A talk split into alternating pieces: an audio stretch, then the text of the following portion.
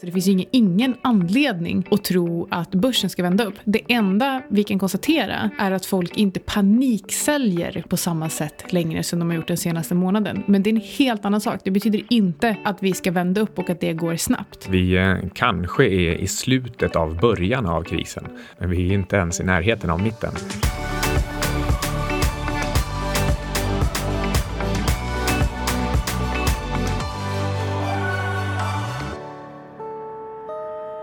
Hej Anna.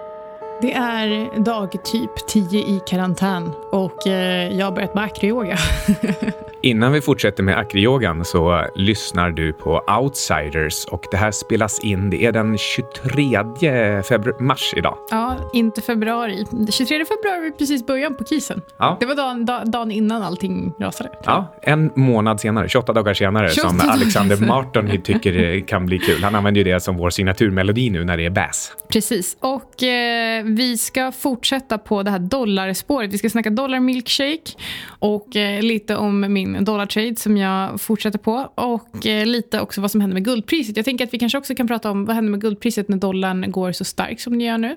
Eh, och eh, prata kanske om vi hinner med det när borta börsen och eh, eventuellt också bra saker med krisen. Mm. Och i anslutning till eh, dollar och guld så kanske det blir lite allmänt råvarusnack och eh, inte minst olja. Vi får se. Det, det är väl eh, förhoppningsvis hinner vi dit. Vi försöker alltså hitta möjligheter i den här typen av marknad istället för att prata om vad vi ska gå kort och inte. Men som sagt, dag, jag vet inte hur många dagar i karantän, men mitt gym stängde och skulle vara stängt i minst två veckor. Det kanske öppnar på torsdag och jag började klättra på väggarna och sen började jag klättra på min pojkvän. Usch. Nej, men han var så rolig. Vi började prata om att eh, testa akroyoga för ganska länge sedan. Så sa han nu i helgen, han bara, vet du vad, jag tror, vi har ändå styrkan så jag tror, att, jag tror att vi kan vara ganska bra på det här. Men han glömde kanske det absolut viktigaste. Ingen av oss har ju någon typ av, har ju någon form av flexibilitet. Det här påminner om en tv-serie som jag ser. Eh, den heter eh, Smilf. Det är som Milf fast med ett single före. Och eh, hon tror att hon är bra på basket ända till hon går på en, på en tryout. Det är lite så här, eh, folk som sitter hemma och säger, jag tror jag kan vara ganska bra på det här. Ja, men exakt. Men vi tränar nu på det i alla fall. Och eh, jag är helt... eh, Jag gick och köpte ett pull-up rack, så jag gör pull-ups. Och försöker träna så mycket det går hemma. Så att eh, jag försöker ändå hålla, hålla mig i rörelse lite grann. Du Ja. drabbas ju faktiskt inte märkbart av det här. jag ligger ju verkligen way ahead av alla eftersom jag slutade med innegym midsommardagen förra året. Och eh, ja, till exempel i morse var jag som vanligt ute i Humlegården och körde mina reps innan jag tog hunden, gick ett varv runt Humlegården och hem igen och drack kaffe. Så eh, mina rutiner ändras inte överhuvudtaget av eh, corona. Nej, härligt. Och, eh, men ska vi, ska, vi släppa, ska vi släppa träningsspåret och eh, kanske gå in på en annan typ av investering och prata börsen? Ja, dollar, dollar milkshake. Vad fick dig egentligen att tycka, men nu är det nog läge att eh, parkera pengarna i dollar snarare än någonting annat? Det handlar egentligen inte så mycket om att jag tänkte nu är det läge, även om, om det blev det. Liksom. Utan det var mer att jag försöker hela tiden utveckla min strategi och eh, lära mig saker allt eftersom att jag går igenom saker, typ som den här typen av finansiella krisen. Och eh, det har varit superspännande att se hur Cygnus presterar och Cygnus är en extremt dynamisk modell. Och jag vill ju hitta, det är ju en tillgångsallokeringsmodell där jag vill hitta olika tillgångar att allokera mellan där de funkar bättre eller sämre beroende på marknadsklimat. Och eh, en sån sak som jag faktiskt hade uteslutit innan var just eh, att titta på olika fiatvalutor och eh, ha, in, ha in FX överhuvudtaget. Så nu insåg jag att okay, men vid en total sell-off så är dollar det som går. Och eh, varför inte då hitta något sätt att inkludera det här i extremfall i portföljen för att sen allokera om det till guld eftersom att guldet kan falla initialt tillsammans med allt annat när vi ser den här typen av fullständig urblåsning på marknaden. Så då började jag titta på dollarn och eh, sen började jag fundera mer på okej men det här kommer ju definitivt påverka eh, efterfrågan på dollar så jag köpte dollar och så tänkte jag att om Sverige också får lite lösare penningpolitik så kommer seken försvagas inte bara, eh, då kommer inte dollarn bara stärkas i relativt allt annat utan seken kommer också försvagas eh, gentemot dollarn och eh, därför köpte jag dollar. Det är ju på ett sätt lite paradoxalt att när eh, USA, som är den enda som hade ränta kvar att sänka och därmed alltså också kan sänka mest av alla, när de gör ett par emergency currency cuts och alltså verkligen minskar räntedifferentialen, hur kan det komma sig att dollarn då stärks egentligen? Och eh, eh, några av de, eh, vad ska vi kalla det för, smittovägar som eh, leder fram till, till en starkare dollar, det kan vara att eh, eh, det här är en så stark signal på att saker och ting är fel i, eh, alltså det är någonting jätte, jätte allvarligt i, i ekonomin. Så när de gjorde sin den här första emergency cutten, att, att det signalerar att nu kommer, nu kommer man vara tvungen att köra flight to safety till, till USA, till dollarn och även att eh, hela det här eurodollarsystemet som alltså egentligen är dollar som inte är i USA, att, eh, att det får också ännu mer problem. Och det, vad, vad, som händer där i princip är att eh, europeiska banker och andra banker, de har lånat ut dollar. De har skapat egna dollar som inte finns. Och när man måste eh, täcka upp för de här hålen, då blir det brist på dollar. Och då, så bristen på dollar blir större när man eh, kör emergency cuts och eh, QE. Det, det, är ganska märkligt, men eh, eh, och marknaden missförstod det här ju först, för dollarn sjönk ju kraftigt i starten. Eh, så eh, ja, det, det är... Och, och, det här kan man väl säga, det är lite så hela dollar milkshake-teorin funkar. Att eh, man dras i den här dragkampen upp och ner. Är det jättemycket QE? Är det lägre räntedifferential?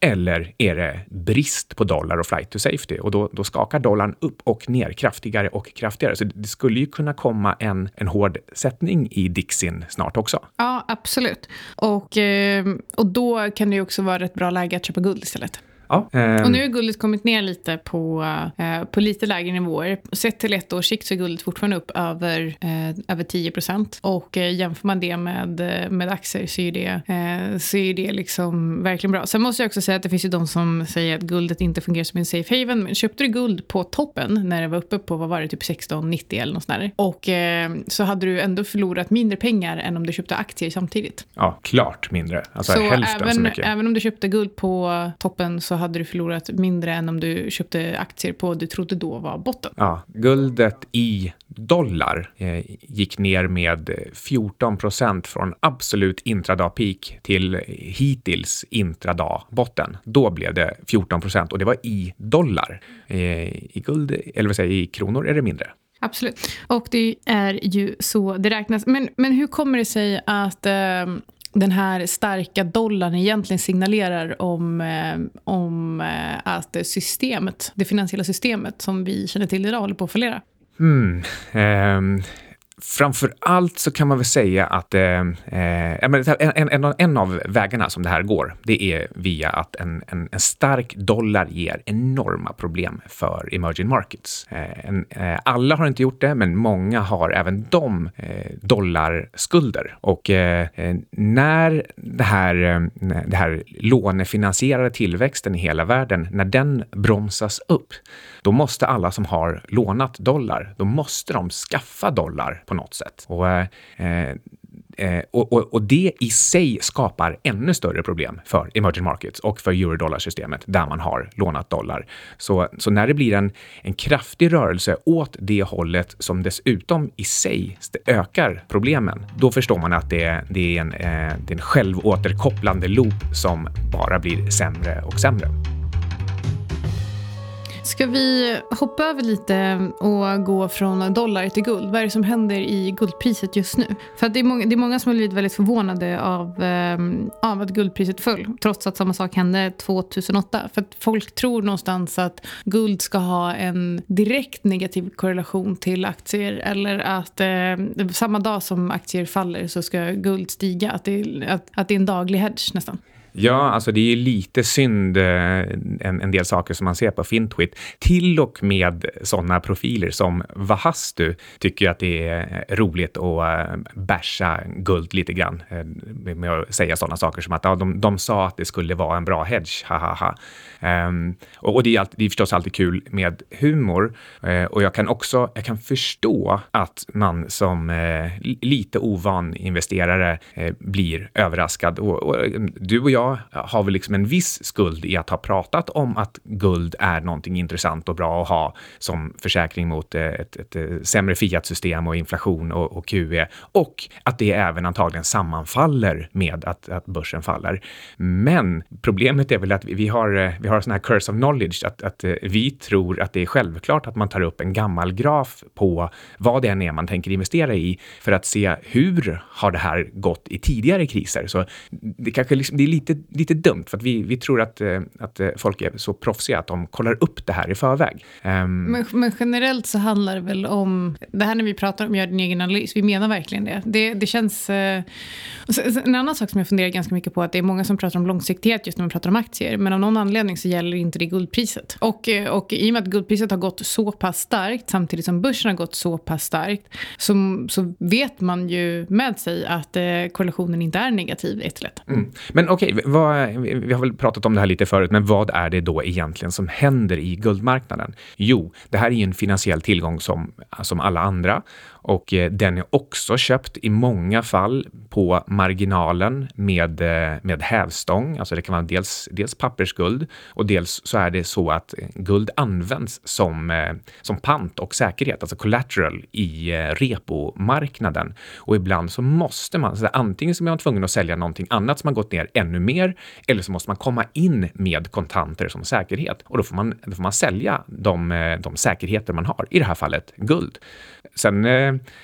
Eh, verkar också som att Ray Dalio på Bridgewater, han har ju pratat väldigt mycket om att guld är det, den tillgången man ska ha under 2020-talet. Han har gått in tungt i guld och, och nu hann inte han med i nedgången. Han, han eh, trodde inte att, att börsen skulle falla helt enkelt på grund av covid. Och eh, det kan mycket väl vara så att eh, det är uttag från hans fond eller säkerheter eller ombalansering i portföljen som gör att, eh, att det säljs eh, guld eh, därifrån och, och trycker ner priset. Och det skulle nog räcka nästan med att bara han minskar sin exponering för att det här ska inträffa.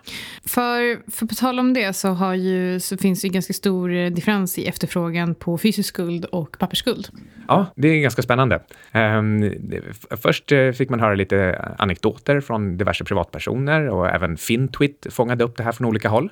Och sen pratar vi också med, vi pratar ju regelbundet med Michelle Ruffli på Nordic Gold Trade och eh, utan att ge några specifika namn eller volymer eller siffror och så där så kan man väl bara säga att det, det är häpnadsväckande siffror på den eh, fysiska marknaden. På vissa håll så är det faktiskt brist på, på mynt och tackor. Nu, nu har inte han det, i alla fall inte på alla, alla produkter, men, men det är lite brist i, i, i systemet på, på sina håll. Och inte minst så är markupsen, alltså eh, prisskillnader mot spotpriset, är mycket högre än vad de brukar. Det är sen, sen 2008, 2011 så har det inte varit så här extremt. Men skulle man kunna säga att pappersguldet då laggar efter och att det kan vara läge att ta in ETFer med fysiskt underliggande guld? Eller ska man bara rikta in sig på fysiskt guld? Nej, alltså jag tror nog fortfarande som vi har sagt förut att eh, ETFer backade av fysiskt guld, det är fortfarande den absolut bästa exponeringen som en, en, normal privatperson kan ha. För det, det kommer fortfarande att röra sig om pengar som man vill, man vill kunna ha tillgång till. Man vill kunna sälja dem och få fram de där pengarna på ett rimligt sätt och inte, inte drabbas av eh, stora spreadar. lite fysiskt kan man ha för, för den riktigt långa sikten, men, men ETFer, eh, ja, men jag, jag, jag, tror att det kan mycket väl vara så att efter att de här tekniska eh, problemen eh, som vi är igenom just nu och, och eh, tvångsförsäljningar, så, så kan eh, pappers guldspriset på just ETFer som är 100% backade. Det kan verkligen det kan komma i fatt. Jag vill också noga, jag vet att jag säger det i varje avsnitt, men även om jag pratar om dollar och pratar om ett läge att allokera in i guld igen, så guld är en väldigt stor position för mig som det är. Men det betyder inte att den inte kan bli större. Ska vi gå över lite till det som vi diskuterade innan, hur långt det är kvar till botten.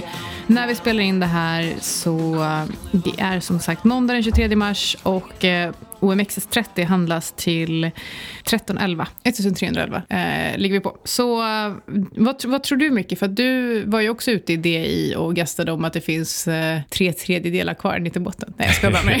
ja, här, ma matematiken är ju förstås alltid lite rolig. Det, det är nämligen så att om, om någonting faller med först en tredjedel, alltså 33 procent, och sen faller med en tredjedel till, då har det fallit med ungefär hälften, lite mer. Men sen om det faller en tredje tredjedel, då har det totalt sett fallit med ungefär två tredjedelar delar. Det är, lite rolig eh, matematik det där. Och eh, vad jag tror och vad jag säger är att om värderingarna ska normaliseras och vi också ska få en liten eh, faktisk sättning i själva underliggande fundamenta, ja, men då är det tre sådana här tredjedelar det ska ner så att eh, hela börsen då har fallit med ungefär 70 procent. Och eh, Eh, men, men, men, samtidigt så, så pratar jag också om att eh, den här dollar milkshake-idén, den gäller börsen också. Det blir högre och högre volatilitet på allting, så det blir större eh, kast neråt och uppåt. Och det gör att, jag menar, vi har redan haft två 10% studsar under den här korta nedgångsfasen. Och jag tror att det börjar bli dags för en, en ny studs och som är desto större. Den ska liksom lura in ännu fler att tro att nu kanske det är på riktigt. Rekyler under nedgång är ju någonting som du och jag har pratat om sen vi startade den här podden. Och det är också det är förrädiskt, för det lurar, precis som du säger, lurar extremt många. Och det brukar ofta vara så att när börsen har stöttat upp 10% från botten, då brukar man känna sig trygg nog att faktiskt gå in igen, allokera om till aktier och sen faller börsen kanske 10, 15, 20% till och då blir man rädd och så säljer man av för man tror att det kanske inte var botten och så studsar börsen upp 10, 15% och då känner man sig lite trygg med att nu har vi sett vändningen, nu går jag in igen, ganska nära botten och så faller vi igen. Och eh, det här, så här håller det på om och om och om, om igen. Och eh, Ehm, jag tror, jag, vet, jag kommer ihåg att jag bloggade väldigt, väldigt mycket om det. Nu har jag stängt ner min blogg så den är inte kvar längre. Men eh, jag pratade ofta om det. Ja, alltså det som är fruktansvärt skadligt med den här uppgången mellan 2008-2009 och eh, 2020, det är att eh, folk tror att buy the dip är smart. Förr i tiden så pratade man om att fånga fallande knivar är inte smart och det är egentligen exakt det man gör när man köper dippen. Men, men sen tack vare penningtryckande och att en mer och mer utvecklad idé om TINA, there is no alternative to stocks, så, så har eh, väldigt många blivit vana vid att det är köpa dippar som är det man ska göra. Och antagligen så kommer Ehm, man kommer fortsätta köpa dippar under, under vägen ned nu och, och som du säger då, särskilt eh, så köper man kanske inte botten, botten på dippen utan när, dipp, när, när studsen redan är över. Precis. Och eh, vi, har, vi har fallit väldigt, väldigt snabbt. Det är rekordsnabbt fall på, på marknaden. Och eh, av någon anledning så verkar folk känna sig berättigade till en vändning. Det är som att, eh, jag menar, vi är fortfarande, corona sprids fortfarande. Vi vet fortfarande, vi fort, alltså länder fortsätter ju stänga ner. Vi är inte ens kommit igång med ekonomin igen. Så att tro någonstans att det här ska vara över på några veckor och att börsen ska vända upp igen fast vi inte ens vet vilken typ av ekonomiska konsekvenser. Jag vet hur många som helst som har blivit av med jobbet, som blir varslade och eh, företag får, får stänga igen. Så jag menar, det här är ju inte, vi har ju inte ens sett botten på, eh, vi har ju inte ens sett slutet på vad som händer i den här pandemin och hur det kommer påverka ekonomin. Så det finns ju ingen, ingen anledning att tro att börsen ska vända upp. Det enda vi kan konstatera är att folk inte paniksäljer på samma sätt längre som de har gjort den senaste månaden. Men det är en helt annan sak. Det betyder inte att vi ska vända upp och att det går snabbt. Vi eh, kanske är i slutet av början av krisen, men vi är inte ens i närheten av mitten. Jag, vet inte vad officiella siffran i Sverige är nu. Det kanske är 3000 smittade och vi har inte tid att, mäta alla. Men eh, låt oss säga att eh, 10 procent ska bli smittade. Det är en miljon personer. Så att vi, det är vi överhuvudtaget inte i närheten av eh, hur många som ska smittas. Men sen kommer vi aldrig någonsin mäta upp att en miljon är smittade. Nej, exakt. Men titta också på hur, eh, hur det ser ut i USA. Där, där sprids det snabbt. Och ehm, äh, men så jag, eh, jag tror att vi kommer, få, vi kommer ha fortsatt volatilitet, vi kommer se många rekyler och äh, vi ska ner en bra bit till. Jag var ju ute i det ju så att jag blir inte, jag menar jag tror att OMXS30 ska ner under 1000 och äh, det är inte speciellt konstigt. Men eh, jag är absolut inte redo att köpa än. Ah, this is not the end. Uh, it is not even the beginning of the end. Uh, but it is perhaps the end of the beginning. Jag, jag tänkte ta upp en annan parallell här, ja, bara med, mellan eh, recessionsnedgångar på börsen och, och hur det ser ut nu. Um, i, I nedgången 2000 till 2003, då var det nästan tre hela år från toppen till botten. I nedgången 2007, 8, 9, då var det nästan exakt två års eh, mellan, mellan toppen och botten. Och så lite beroende på om du kollar på USA eller Sverige. Det var, var väl kort, kortare i, i Sverige. Eh, den här gången, aha, vad ska man tro då? Ska, ska tre år bli två år bli ett år mellan toppen och botten. Men det är ju inte en månad i alla fall. Nej, eh, verkligen. Och, och hur många studsar ska det vara? Tidigare har det varit liksom ett dussin, kanske med ordentliga studsar, mellan 10 och 20 procent. Um, det är väl inte orimligt att tro att det skulle hinna bli någonting liknande innan man har liksom uttömt eh, liksom by the dip-mentaliteten och lyckats hitta en billig botten. Eh, dessutom ska man säga att 2009 så hann det bli attraktivt till fair value kan man säga eh, enligt vissa mått. 2002 hann det inte bli eh, billigt. Ska det, ska det kanske bli billigt på riktigt den här gången? Ja, då ska det ju verkligen ner mer än de två gångerna och då är det de här 70 procenten som gäller ändå på hela index. Ja, och eh, det, det, man måste komma ihåg på också är att inte bara justera ner nivåerna utan justera ner vin, vinstprognoserna så att du vet vilken multipel du ska sätta. För att jag menar, nu är det väldigt många bolag som behöver justera ner sina vinster. Så räkna inte på till exempel en price earnings multiple på de estimat som vi hade tidigare för att då kommer du fortfarande hamna på mycket högre nivåer. Så jag tror att det är många som tittar på börsen idag räknar med gamla estimat och tänker att nu börjar det bli relativt billigt och så glömmer de av vad, vilken typ av konsekvenser vi faktiskt ser. Mm. Och då kan det också vara så att många bolag sänker utdelningarna i alla fall under några år, under de åren som eh, man inte har tillgång till, till gratis pengar i form av lån längre och vinsterna är lägre.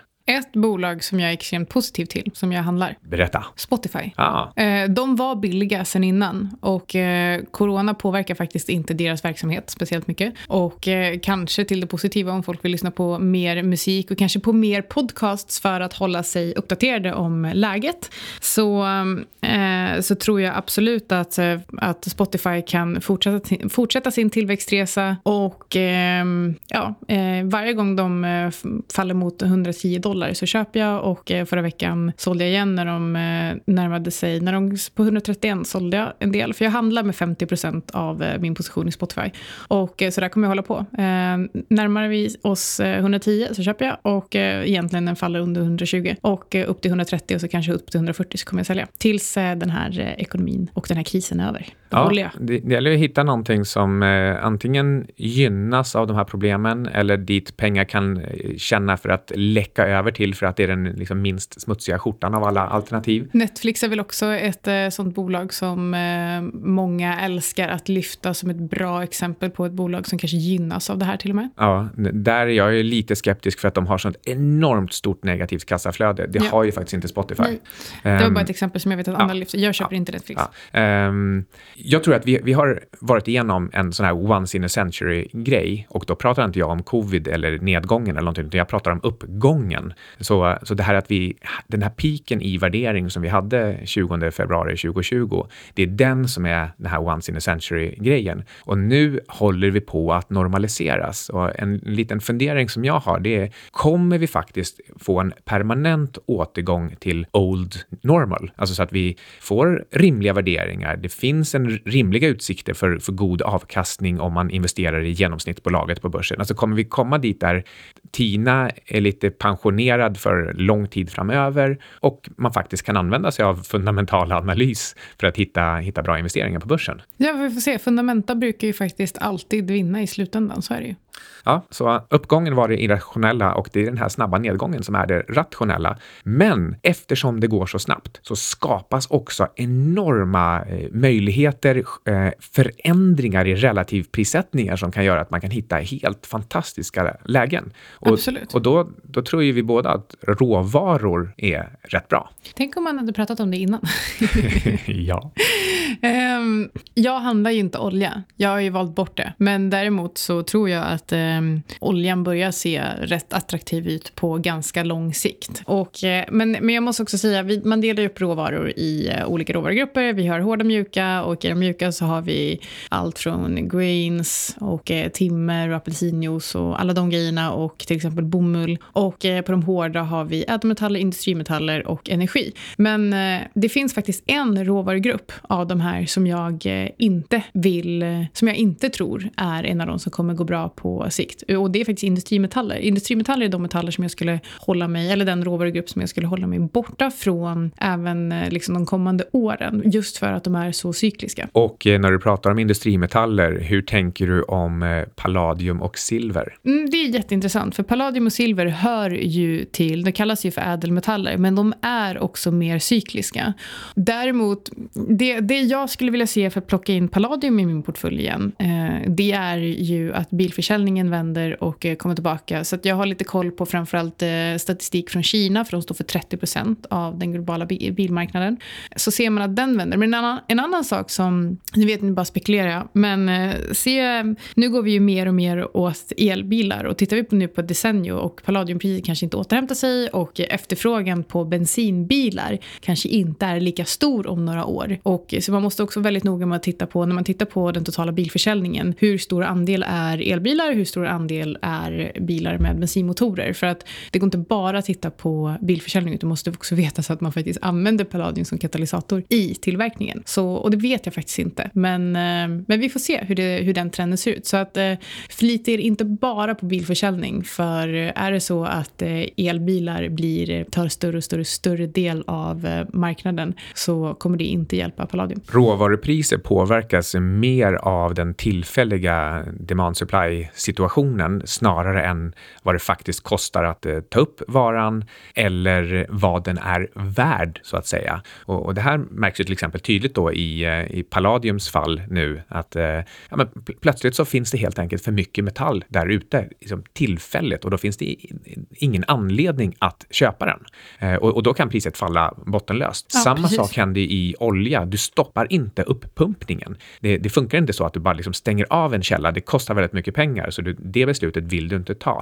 Så, så länge oljan sprutar så, så faller också priset om det inte finns en avsättning för den. Och, och det är liksom, lagren är på väg att ta slut. Eh, man testar tillfälligt liksom att fylla upp tankskepp och låta dem flyta omkring, men, men till slut så blir situationen sån att du måste i princip bränna upp oljan eller skänka bort den. Eh, det, och, och därför så, så kan oljan nu mycket väl falla, till exempel under, under 10 dollar, vilket annars skulle låta helt sjukt, för världens genomsnitts pris för att ta upp det kanske är 35 dollar. Och ehm, Eh, det, kan, det kan faktiskt bli så att eh, den här situationen vi har nu, även om oljan är värd mer egentligen, så faller den under 10 och sen får vi en motsatt situation när allting ska dras igång igen, kanske senare i, i höst, så, så går oljan långt upp över sitt jämviktspris istället. Så, så det här skulle kunna skapa en sån här eh, opportunity of, of eh, i alla fall of the year, kanske inte of the decade.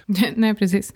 Men eh, ska, vi, ska vi stanna där den här veckan och Eh, ska vi ge någon typ av, eh, ska vi gissa, står marknaden högre eller lägre eh, nästa gång som vi spelar in? Ja, om vi antar att vi spelar in även då på en måndag så tror jag att vi står högre. Uh, och då ska vi se här. Det tror inte jag. Jag tror att, vi, jag tror att OMXS30 handlas under 1300 nästa gång vi spelar in. Ja, spännande. Där har vi bettet offentligt. Och den som förlorar bjuder på lunch. Då har du lyssnat på Outsiders. Outsiders.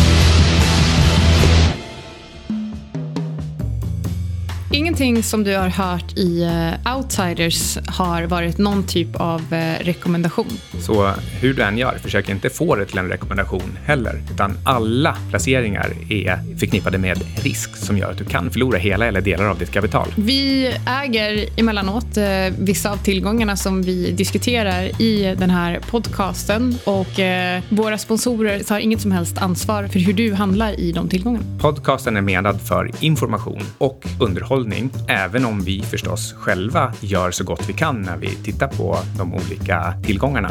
Och vill man veta mer så kan man gå in på sygcap.com eller på sydingsvan.com för att signa upp sig på vårt nyhetsbrev som vi skickar ut varje söndag. Hej då.